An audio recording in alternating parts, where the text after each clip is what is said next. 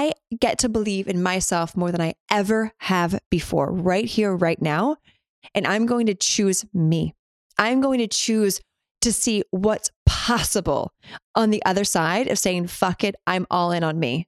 I believe more in me and what I'm capable of than anything else. This is a Soul Fire production. Welcome to the Embodied Woman podcast. If you are new, well, welcome. If you are a regular, I love you. I love you. I love you. Today is a quickie because there is always time for a quickie. You know what I'm saying? Always. And it's been a little while since we've had a quickie on here.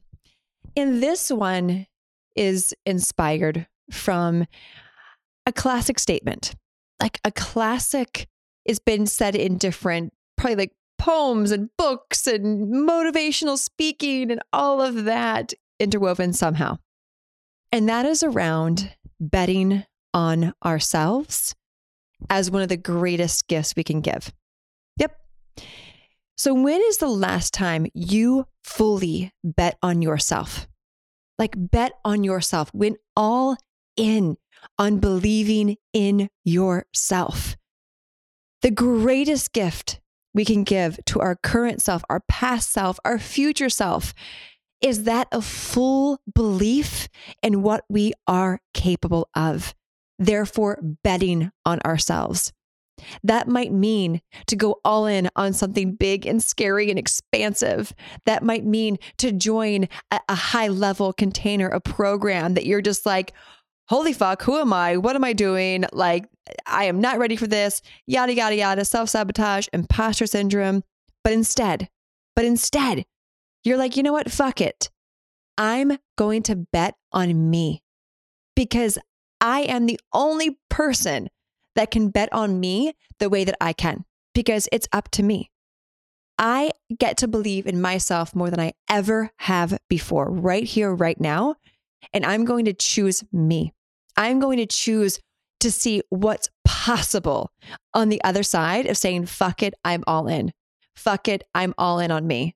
I believe more in me and what I'm capable of than anything else. What in your life right now do you have the opportunity to say that with and or for? Because ultimately, it's up to you to be able to follow through on that, to be able to say, if no one else can see my big vision or my big picture but me, that I have to be the one that says yes.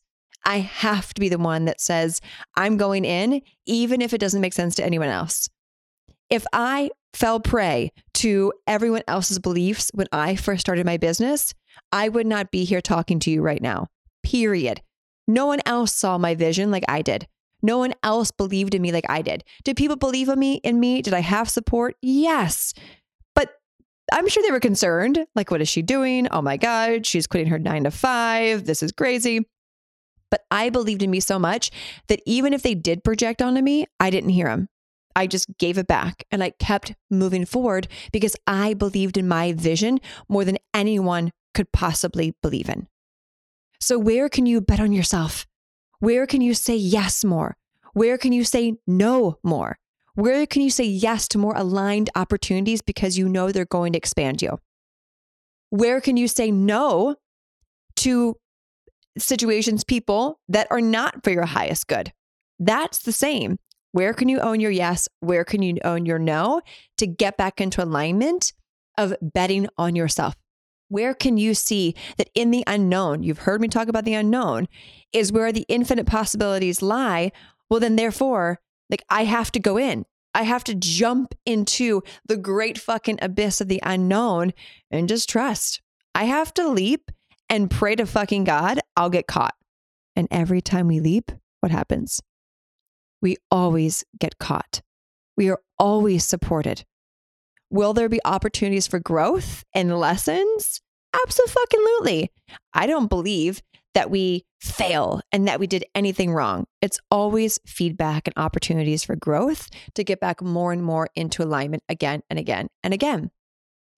So, asking again, where can you bet on yourself more? Where can you put the earmuffs on, blinders on, and fucking be in your path, in your vision, in your truth, in your oneness? And the moment you do this, here's what happens. The moment you keep betting on yourself again and again and again, is people lean in. It's always the people who once judged us for doing the thing that circle back and ask us how we did it. Isn't that funny how that happens? Oh, now you want to learn? Now you're proud of me? Now you're celebrating me? Now you want to ask how I did it? And we support them because we're kind and loving beings. Wink, wink, wink. But that's what happens. But someone has to go first. Someone has to believe in themselves first. And if you're listening to the show, you're probably that person who's learning to do that more and more again. Whether you're doing that now or you want to do that, it's all the same. When you lead by example, you give other people permission to lead by example. When you believe in you, they believe in themselves. And then when you have two people, friendships, partnerships, where everyone's believing in themselves and betting on themselves, can you imagine the impact that all of you are able to make together? Three, four, five, two powerhouses, people in their fucking power, betting on themselves, seeing the big vision. That creates a wave, not even just a, a ripple effect, a fucking wave. That's the good shit. So, today, right now, bet on you, choose you, believe in yourself. Let's fucking go. If you needed this quickie, this reminder, share this on your stories, screenshot this. This is spicy, this is fire. Screenshot it, share it on your stories, tag me at I am Taylor Simpson. Link the show right there. That way, your audience, your community, your friends, your family can listen to this quickie and receive what you did. So, all of you can be elevated because when you rise, they all rise. And when they all rise, we all rise. I love you. Thank you for hanging out with me. Until next time, choose you, choose abundance, choose joy, choose it all. Because why the fuck not? We'll talk to you on the next episode.